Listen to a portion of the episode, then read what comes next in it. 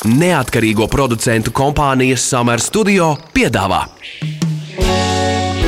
Ķepa uz sirds par viņiem, mūsu pašiem labākajiem draugiem. Raidījumu atbalsta Borisa un Ināras Teterevu fonds. Esiet sveicināti Latvijas radio pirmā kanāla klausītāji. Pie jums atkal raidījums ķepa uz sirds. Mani sauc Magnus Eriņš. Mani sauc Inese Kreitsberga. Labdien, labvakar visiem! Mēs esam diezgan bieži runājuši, kāda ir iemesla, kāpēc cilvēki ņem suni.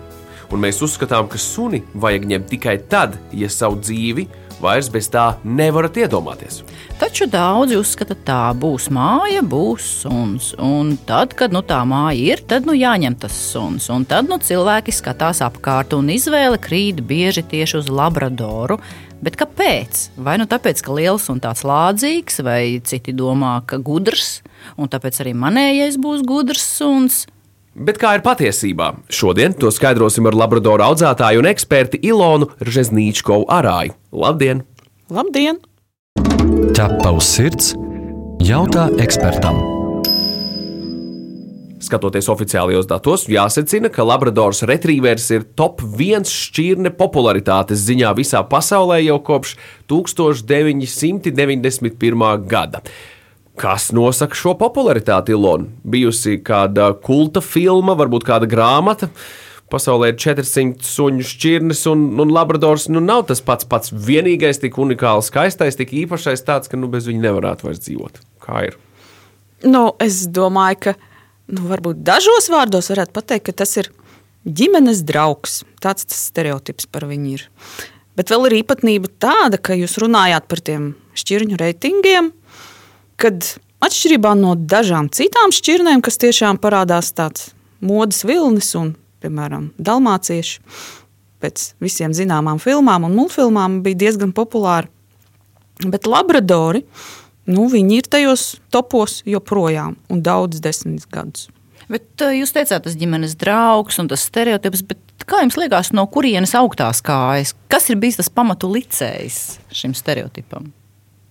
Nu, nezinu, varbūt tiešām tas, ka tā šķirne tāda arī ir, ka tie labradori ir kopumā draudzīgi. Nu, nav tik sarežģīti viņus audzināt. Nu, cilvēkam, kas kaut ko par suņiem saprot. Nu, viņam ir tās īpašības, ko viņam piedēvē, bet daži cilvēki šīs īpašības pārvērtē. Bet kāpēc jūs pati izvēlējāties šos suņus? Taču bija kāds klikšķis. Es biju pusaudzis, un mamma paņēma labradoru. Mūsu ģimenē Labradors parādījās 86. gadā. Mums mājās bija Newfoundlands, un tajos laikos Rīgas dzīvnieku audzētāju biedrība, vēlāk Latvijas Kinoloģiskā federācija. Tur bija vienā klubā gan Labradori, gan Newfoundlandi. Un tad notika tā, ka 86. gadā Valmjerā piedzima Labradoru metiens, kur negaidīti bija viens šokolādes krāsas Labradors. Sākumā domāju, ka tas ir brāķis. Pēc tam palasīju literatūru un izrādījās, ka tāda krāsa labradoram arī ir, ka viņi ir melni, dzelteni un šokolādes. Un tad sāka meklēt atbildīgu saimnieku. Nu, Manā mamma toreiz bija jauna, aktīvi darbojās suņu pasaulē. Cik viņai piedāvāja, vai negrib tādu kucēnu? Padomāju, piekrita. Un ne brīdi nenožēlojam. Ilona, vai tev, vai tev ir zināmi, varbūt subjektīvi, bet tavuprāt, kas ir galvenie faktori, kāpēc cilvēki tomēr izvēlas labradoru? Jo cik man ir zināms, nu, un ko es esmu dzirdējis no apkārtējiem, ka pirmkārt maza sunīša nav nekāda sunīša vai kārtīga suni, vai? O, nu, tādu, kas, kas ir branga auguma, kas atgādina mājas sargu. Tādā veidā arī radot nedaudz ilūziju, ka to māju apsargā tāds viens ārā tur aiz, aiz durvīm starp sētu vai ne pa pagalmu skraida, bet nu, lielākoties, ko viņš grib, viņš grib kādu kārtīgu kārumu, kur, kur kaut ko apēst un dabūt. Šis varbūt ir tā labsirdība, vai, vai, vai kas tam labradoram ir tāds, ka cilvēki to izvēlas? Tagad cilvēki ar vien vairāk zina, kas tas par labradoru, un tiešām arī no ārzemēm nāk tās, atnāca tās ziņas, un arī no filmām, un no citu cilvēku pieredzes, ka labradori ir visur, un jau ir Labradors jau ir iekarojis to savu slavu kā ģimenes suns. Tagad viņš tāds, nu, teiksim, ir vācu aitu suns, kas cilvēkiem nāk pirmais prātā, kad viņi domā, ka grib kādu darba suni.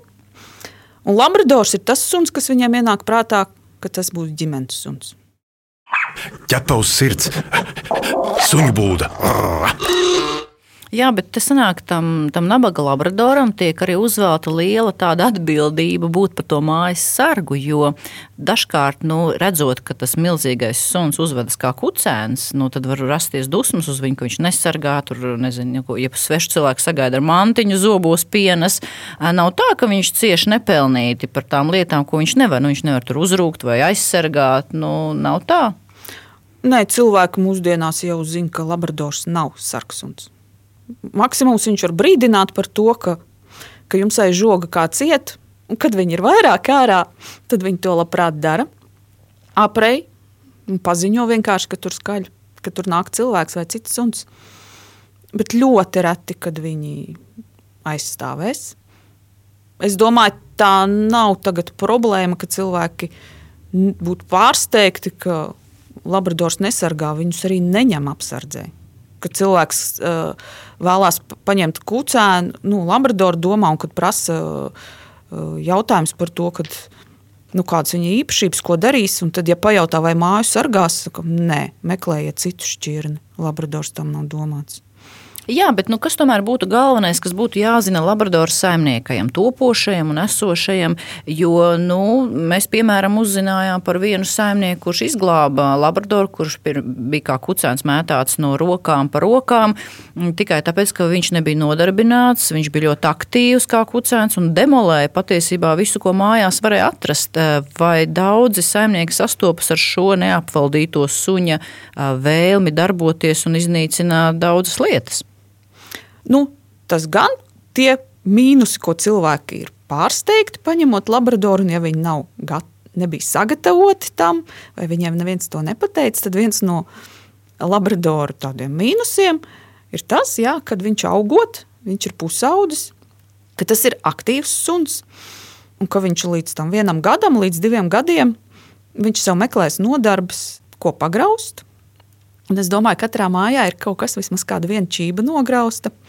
Bet cik lielā mērā cietīs jū, jūsu dzīvoklis vai māja no labradora, jaunu labradoru zobiem, viņa izdarībām, tas ir atkarīgs no tā, cik daudz jūs ar to sunu nodarbosieties. Mēs redzījumā ķepa uz sirds esam stāstījuši par to, ka labradori esot suņi bez agresijas gēna. Savā ziņā tas varbūt mm, liek domāt un noliek to visu tādā mazliet slinkā saimnieka situācijā, paskaidrojot domu apmēram tā, lai nebūtu jāstrādā ar suni jo agresija varētu būt vienīgais tāds sarkanais karoks, ir tāda pietiekami liela motivācija, lai dotos uz suņu skolu un um, apgūtu daž, dažādas apmācības. Nu, jā, bet redz, Labradors nav agresīvs, tad man to nevajag apmācības. Es negribu taisīt nu, slinkums. Tā ir vai tā nav, kā tev šķiet, Ilona? Nu, sāksim par to agresijas gēnu. Nu. Tas tā domāts, es to sauktu pēdiņās, jo varbūt pētnieki to ir kaut ko tādu atraduši, un to, ka Labradors nevar būt nikns vai agresīvs. Nu, nezinu. Neteiktu, ka tas ir agresijas gēns, es tā nesauktu. Bet viņi kopumā ir miermīlīgi. Bet gribu pabrīdināt, ka gan labradoru puikas ir tādi paši suņu puikas kā citi. Un var notikt ķīviņš starp jebkuras šķirnes diviem puikām, suņu puišiem. Ar to ir jārēķinās, ka tā var būt. Un nevajag pārāk paļauties, ka labradors kopumā ir draudzīgs tā ir. Bet arī Labradoru puikas var saķerties. Visur kopā - ķepus sirds. Bet tā apmācības nozīme Labradora izaugsmē un sadarbošanās līmenī ar cilvēku tā ir svarīga, vai ne? Es domāju, jebkurā šķirnē tas ir svarīgi. Nē, nu te drīzāk ir tas mm, jautājums, kāpēc cilvēki vispār iet mm, pārsvarā gadījumos uz suņu skolu. Pirmkārt, viņi nezina, kad saimnieks tur mācās, viņi domā, ka viņi suniet tur mācīt. Tas ir viens. Viņi parasti iet uz suņu skolu tad, kad jau ir radusies kāda problēma. Ne jau vienkārši sēž, mums nav ko darīt, jāiet, un tad, kas ir parasti biežākās problēmas? Tās ir nu, problēmu situācijas. Tas nozīmē, ka cilvēku uz to suņu skolu varētu pamudināt, ka jau tas suns ir sācis kādas problēmas darīt. Tātad, ja mēs ņemam Dobermani, Rotvēleru, un mēs esam sa sa saklausījušies, ka tās varbūt ir sarežģītas šķirnes, tad mēs ejam un apmācām. Bet Labradors, nu, viņš jau nevienam neko nenodarīs. Līdz ar to viņš nav jāapmāca, jo viņš taču ir gudrs tāpat, un tāpēc suņu skolās Labradori salīdzinoši ir maz.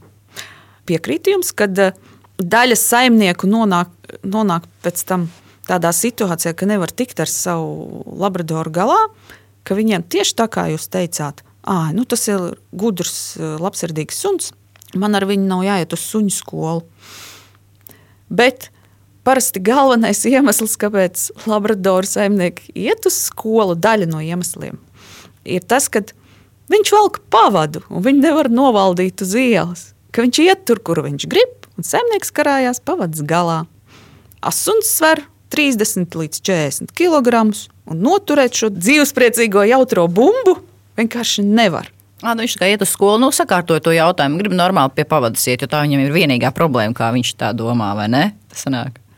Nu, lai tiktu sadzīvē galā ar viņu. Nu, tā, bet bet nu, kopumā tā ir, kad ļoti bieži ir tā, ka netiek galā ar to sunu pastaigās, ar viņa enerģiju. Bet tagad ar vien vairāk ir cilvēku, tomēr, kas iet ar to nu, ar daudzu šķirņu suņiem. Un tā skaitā ar labradoriem, kas ietai suņu skolā jau no divu ar pusi, no trīs mēnešu vecuma. Un tas ir pareizi. Domājot par, par labradoriem un potenciālajiem saimniekiem, kas varbūt vēlas klausoties šo pārraidi, tik pie labradora, kas viņiem būtu jāzina par, par uzvedības dizainu. Un es domāju par instinktiem, kas tad ir tie, kas, kas šo suni nodarbina un liek tam būt aktīvam. Un kas notiek, ja, piemēram, šie instinkti netiek apmierināti? Jo kam viņš pēc savas pamatfunkcijas tika radīts šis suns? Labradori ar, arī ar Newfoundlandiem, viņiem kopēji senči, nāk tātad no Ziemeļamerikas. Mm, ir vēl tāds dzirdēts tāds suns, St. Johnsas suns. Un kad no Lielbritānijas, no Eiropas sākt braukt jūras braucēji uz Ziemeļameriku, nu tad viņi tur sastapa ikdienā tos uh, suņus, īsāku vai garāku vilnu, druknākus vai, vai slaidākus, kas palīdzēja jūrniekiem, zvejniekiem, piekrastē. Kā mēs varam lasīt aprakstos, vilkt ārā tīklus, piemēram, ķert zīvis, kas izlec no tīkla, kad viņu velk ārā no jūras. Dažreiz jūrniekiem, ka viņi palīdzēja eh, vētras laikā tikt krastā, nu, ja cilvēks atrodas ūdenī. Un viss tās īpašības, sadarbība ar cilvēku, kaut ko iznest no ūdens, nebaidīties augsta ūdens. Un, acīm redzot, varbūt arī varbūt jau toreiz viņi bija gana miermīlīgi suņi. Un tas ieinteresēja dažus britu augstzimušus cilvēkus, kas ceļoja turp šurp no Lielbritānijas uz Ameriku. Un daži tika atvesti uz Eiropu, un viņi viņus izmantoja. Pamanīja, ka viņi, piemēram, medībās ir labi pienes medījumu no ūdens. Nu, parasti ūdens putnu medībās. Un arī uz sauszemes. Faktiski viņu sāka izmantot medībās kā kā jau nošauta vai ievainota medījumu atradējus un pienesējis cilvēkam. Putnu suņi, pointeri, seteri skrēja pa pļāvu, uzoda putnu, pacēla viņus pārnos, tā teikt.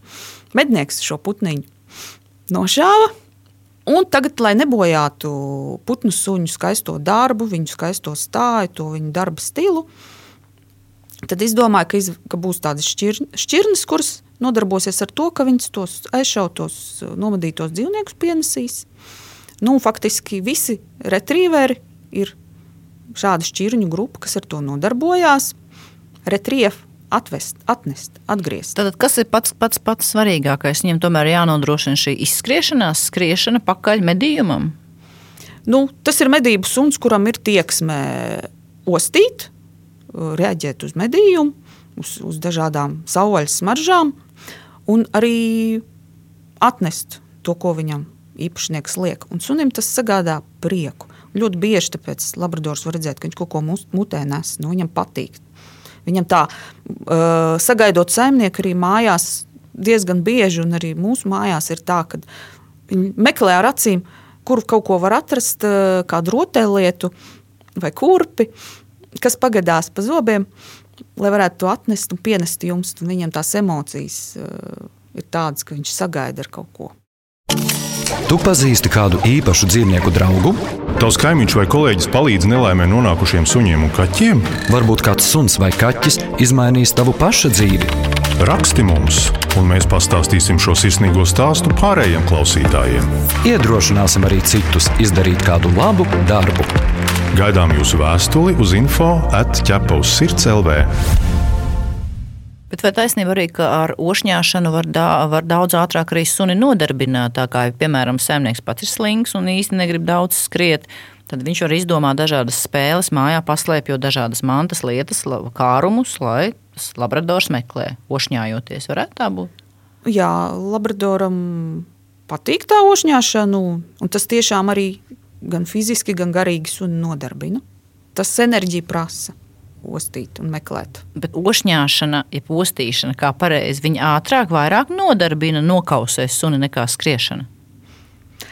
Skriešana nokausēs fiziski, ostīšana vairāk, es domāju, nu tā. Ja var teikt par suni garīgi, mentāli. Bet nu, mentāli, mentāli jau nogurst vairāk nekā fiziski. Ne? Nu, jā, perfekti ir tad, ja ja suni nodarb, nodarbinot, viņš gan fiziski, gan arī psihiski ir nodarbināts. Un, jā, kaut kā meklēšana, mērķtiecīga meklēšana sunī nodarbina vairāk un nogurdina. Atgādinām, ka ķepaus sirds raidījumā šodien viesojas pie mums Ilona Režnīčkova arāja. Un mēs runājam par to, kāds patiesībā ir labradors. Atgādinām, ka šo radio pārraidi varēsiet dzirdēt arī podkāstu formā populārākajās straumēšanas vietnēs, kā arī www.ķepus sirds LV mājaslapā arhīvu sadaļā. Runājot par Labradoru, lielāko iespējams laimi par ēdienu. Kā tad īsti ir? Vai netiek Labradors veidots par tādu mūžīgo rīmu un rešņuku, nu, zinot to, ka viņš visu laiku ēd, mēs viņam dodam, vai ne? Viņš pieblīst un pieblīst. Bet varbūt arī, varbūt arī ir patiesībā mazliet citādāk. Varbūt uh, sunim ir īpašākas attiecības ar ēdienu nekā citiem suņiem. Labradors tiešām ir izcils ar savu vēlmi ēst. Un ļoti labi apveļās, ja viņam dod pārāk daudz ēdienu, nekontrolē viņu, nenodarbina fiziski, lai būtu kur tām kalorijām nodegt. Bet es domāju, ka vēsturiski tas ir tā veidojies un veidojās tāda dabiska atlase zināmā mērā. Ka tā kā šie suņi, šo suņu senču strādāja augstā ūdenī ļoti bieži, augstos apstākļos, jūrā, kad uh, viņiem tas tauks slānīts ir nepieciešams lai nenosaltu tajā augstajā ūdenī, līdzīgi kā roņiem. Un šādi varbūt tā arī notikusi tā atlase, kad veiksmīgāk izdzīvoja, veik, veiksmīgākus, veselīgākus kucēnus piedzemdēja tie labradoru senči, kuriem bija tāda ķermeņa uzbūve, kad bija biezāka kāda, biezāka tauciņa, Tie, kam biezāk kāda vienmēr izdzīvo labāk, tas jau ir fakts. Bet eh, vai tad mēs varam teikt to, ja mm, labradors diedelē, viņam ir lūdzošās acis pēc kāda kāruma, nu mēs tomēr varam to nedot, jo nu, mēs esam droši, ka viņš nenomirs badā. Nu, galvenais eh, ar labradoriem, uz ko neiekrist, eh, tas ir tiešām uz žēlīgo skatu, ko viņš jums velta, kad jūs ēdat. Bet ir tā, nedodiet nekad nekādus gardumus un kumosiņus tajā laikā, kad jūs pats ēdat. Vienkārši suns nezinās, tad, ka no jums kaut ko var dabūt papildus. Un viņš nediedelēs. Un tā ir arī mana personīga pieredze ar vienu no suņiem, kurš viņš iemācījās pēc tam diedelēt. Bet kādu laiku viņš vienkārši viņš pat negāja un neskatījās, ko mēs tur ēdam, ko darām, jo viņš nekad to nav dabūjis. Bet kā viņš iemācījās diedelēt pie jums, suņu ekspertiem, jūsu ģimenē? nu, viens no ģimenes locekļiem Aha. vienreiz iedeva. Aha. Un ar to pietiek. Kāds ciemiņš parasti jā, nu, salūst? Nu, ģimenes loceklis. Un viss sanāk, ka tas patērns ir sab, nu, sabojāts, kā saka. Ja viss viņam ir vienreiz iedots, viņš saprot, ka viss var. Ja? Tā sanāk. Lieliski mācās suns. Viņi ir ļoti labi iemācās to. Un viņš atnāk nākošais un arī skatās. Tādas lietas, kas viņam ir izdevīgas, tas tiešām ir ļoti apģērbīgs suns. Viņam nevajag vairākas reizes rādīt. Bet, ja nedod, nu, te ir tāds padoms arī diedelēšanas apkarošanā. Tad, Jā. ja viņam nedod, nu, tad viņš saprot, ka no šitiem neko nedabūs. Ja tur, ja jūsu ģimenē kādam joprojām tā sirds lūst, tad tā sanāk. Nu, nē, nu, cenšamies, eh, ka mēs paši ēdam, mēs cenšamies nu, nedot sunim. Vienīgais, ja mēs var būt savi rituāli, ka, piemēram, nu, tagad mēs pēdam, un pēc tam, kad visi ir pēduši pusdienas vai vakariņas, tad tam sunim varbūt tiek iedots sausiņš, vai burkāns, vai ābola gabals. Un tad viņš gaida, kad viņš saņems to savu burkānu vai ābolu, bet viņš jums nekritīs šķīvī iekšā ar savu degunu. Es reiz lasīju par kādu labradoru, kurš bija nogādāts slimnīcā, jo viņš bija naktī ticis pie barības lielā maisa un pārplēsis. Ak, vai. Tad iedomājieties, tas lielais barības maisa, cik nu viņš bija iztūķis, viņš bija ēdis, ēdis. Viņš jau ēd, kamēr viņš vienkārši fiziski laikam nevar dabūt iekšā. Nu, kamēr kuģa tilpums atļauj. Jā, ja jūs esat laboratorija īpašnieks, nu, kaut kur jums, un jūs viņu barojat, piemēram, ar sauso barību, esiet uzmanīgi ar to, kur jūs glabājat šo sauso barību.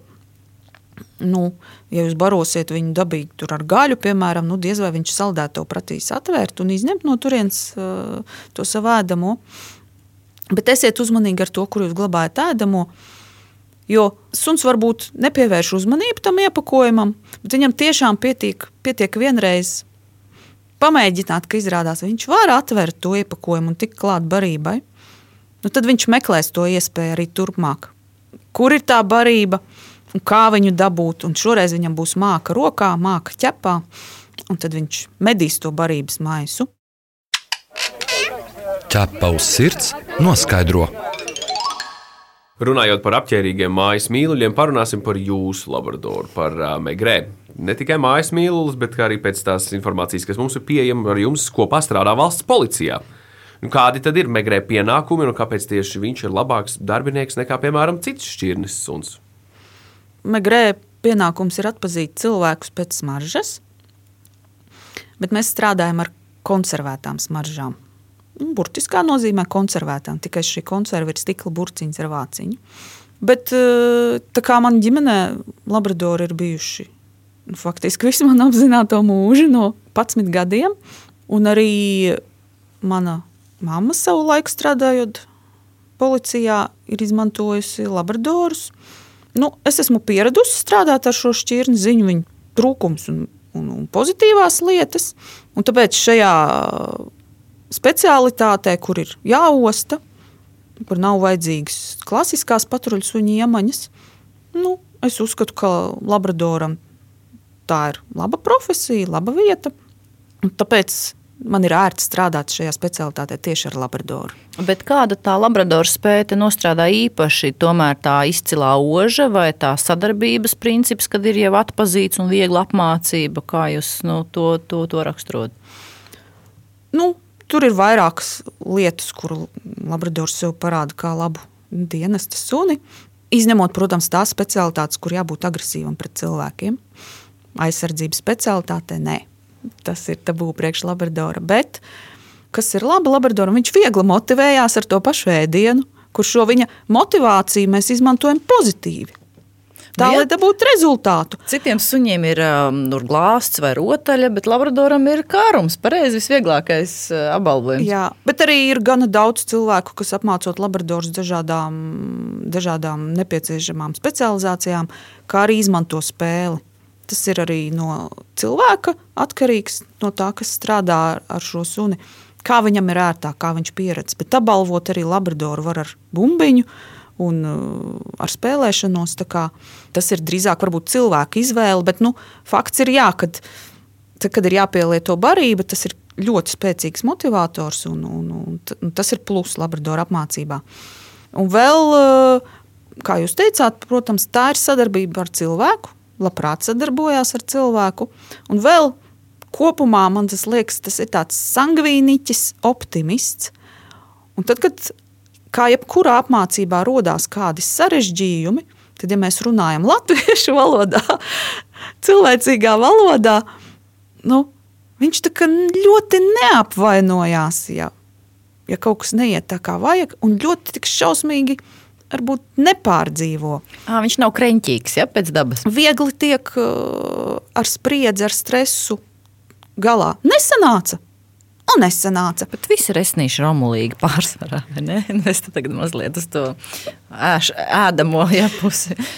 Bet, starp citu, jūs uh, savā ģimenē izmantojat megrē spēju kaut ko savost, atrast. Nu, nezinu, maks kaut kur pazudis, megrē atnes sameklēt. Nē, esat kaut ko mēģinājuši tādu interesantu tā viņu, viņam to nesmu likusi. Televīzijas pulti, piemēram, atnest. Nu, man ir kādreiz viņa priekštecis, eh, arī Labradors, nu, pat viņa radinieks, arī Melns, vārdā Daks.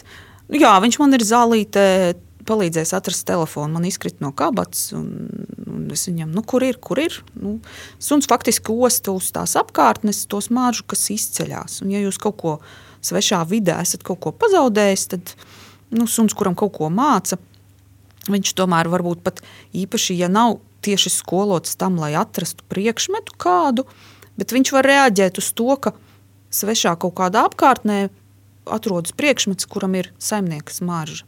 Nu, lūk, nu, viņš man atrada, nu, viņš tik tā nesa viņu, un tur bišķiņa stikliņa iespieda. Bet tas no sirds taču centās. Bet eh, ļoti, ļoti sen tas bija mammas dienestas suns. Tas mūsu tas Gil, Gilberts. Nu, ne, viņš viņai nestrādāja dienestā, bet viņa viņu apmācīja, nu, gan mācīja tam, un jau nākošais suns pēc tam strādāja. Tad bija tāds Labradors Gilberts. Ar viņu piedalījās, piedalījās vecāki arī. Kādreiz bija tāda vienība, abava apvienotā brīvprātīgā glābšanas brigāde vai kaut kas tāds, 90. gados. Mācījās cilvēkus meklēt. Nu, lūk, vienreiz mežā bija tā, ka tiešām bija izkritis uh, maisiņš mežā, ar, kurā ir mājas atslēgas. Nu, tikai apmēram zinājām to apvidu, kur tas ir noticis. Tur, teiksim, tā, no šī krūma līdz tām krūmam, kaut kur šeit mēs esam to pazaudējuši. Un es skaidri atceros, vēl, kā es mammai pateicu, nu, nu tās mācītājs suns, nu, viņš, nu, viņš varēs kaut ko te atrast. Viņa aizsūtīja viņu meklēt. Viņš atrada to mazo atslēdziņu tajā zālē, šņurītē iesiet un atnesa. Izklausās pēc, pēc burvīga, burvīga, burvīga atmiņas stāsta. Man uh, pilnīgi bildi uzzīmējās priekšā acīm. Bet tad uh, man Ilona jums jautājums, kāds ir Labradora ideālais saimnieks un, un, un kāds ir ideālais Labradoru dienas režīms? Nu, ideālais saimnieks būtu aktīvs cilvēks. Ja kāds grib suni, kurš atnāktu pie jums, pamīļoties, paprasīt kādu glāstu tikai tad, kad jūs to gribat, vai dažreiz varbūt tas suns grib atnākt pie jums. Bet pēc tam jūs sēdēsiet klubkrēslā un skatīsieties televīzijā vai, vai skatīsieties savā viedajā tālrunī. Tāds saimnieks nav priekš Labradora. Labradoram vajag aktīvu cilvēku, kas ir gatavs to vienu pusotru gadu vai līdz diviem gadiem izturēt viņa pusauģa aktivitātes, proti, suns ir jānodarbina. Viņam noteikti vajag pastaigas. Tādu cilvēku, kas ir gatavs spēlēties ar suni un darboties ar suni. Dienas režīms būtu, tad, kad ir kucēns, ir jābūt gatavam ik pēc divām stundām, ja ir tāda iespēja iziet ārā, vai vēl biežāk, jo tikko kucēns pamostās, tā noteikti būs. Dažu minūšu laikā viņam vajadzēs nokārtoties, un, ja jūs spējat viņu iznest ārā tajā brīdī, tad viņš ļoti labi iemācīsies, ka nokārtoties vajag ārā. Bet uh, jums būs jāc, jāpieceļās stundu agrāk nekā jūs parasti ceļaties no rīta, lai pastaigātu ar suni. Vēlams, vismaz pusstundu. Tad, kad jūs atnāksiet nogurs mājās, Reiķinieties ar to, ka jums ļoti, ļoti vēlams, lai jūs atrastu laiku viņam stundu pastaigu vakarā. Nu, bet labi, bet eh, par šiem visiem gadiem es saprotu, ka tā mīlestība pret eh, labradoriem jums ir palikusi un joprojām ir spēcīga. Eh, kāpēc tieši jums šis suns, šis labradors, ir pats pats labākais suns pasaulē? Nu, tāpēc, ka viņš ir vienkārši lielisks. nu, tas, ir, nu, tas ir draugs patīk tāds, kāds ir viņa raksturs, tas, kā viņš viegli mācās, nu, ja pareizi ar viņu strādā. Nu, vienkārši patīk. Es nezinu, tas kā pajautāt cilvēkam, kāpēc viņš kādu mīl. Īstenībā nesot pareizās atbildes.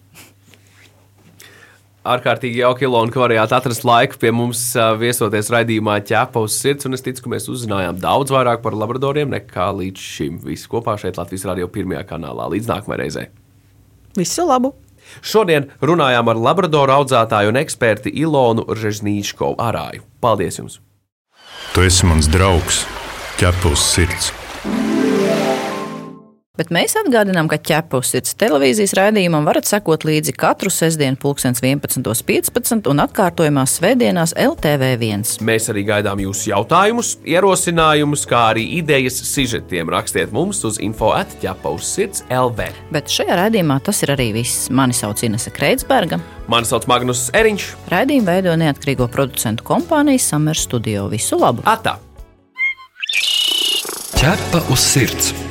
Informatīvi izglītojoši raidījums par dzīvnieku pasauli un cilvēkiem tajā. Raidījumu atbalsta Borisa un Ināras Teterevu fonds.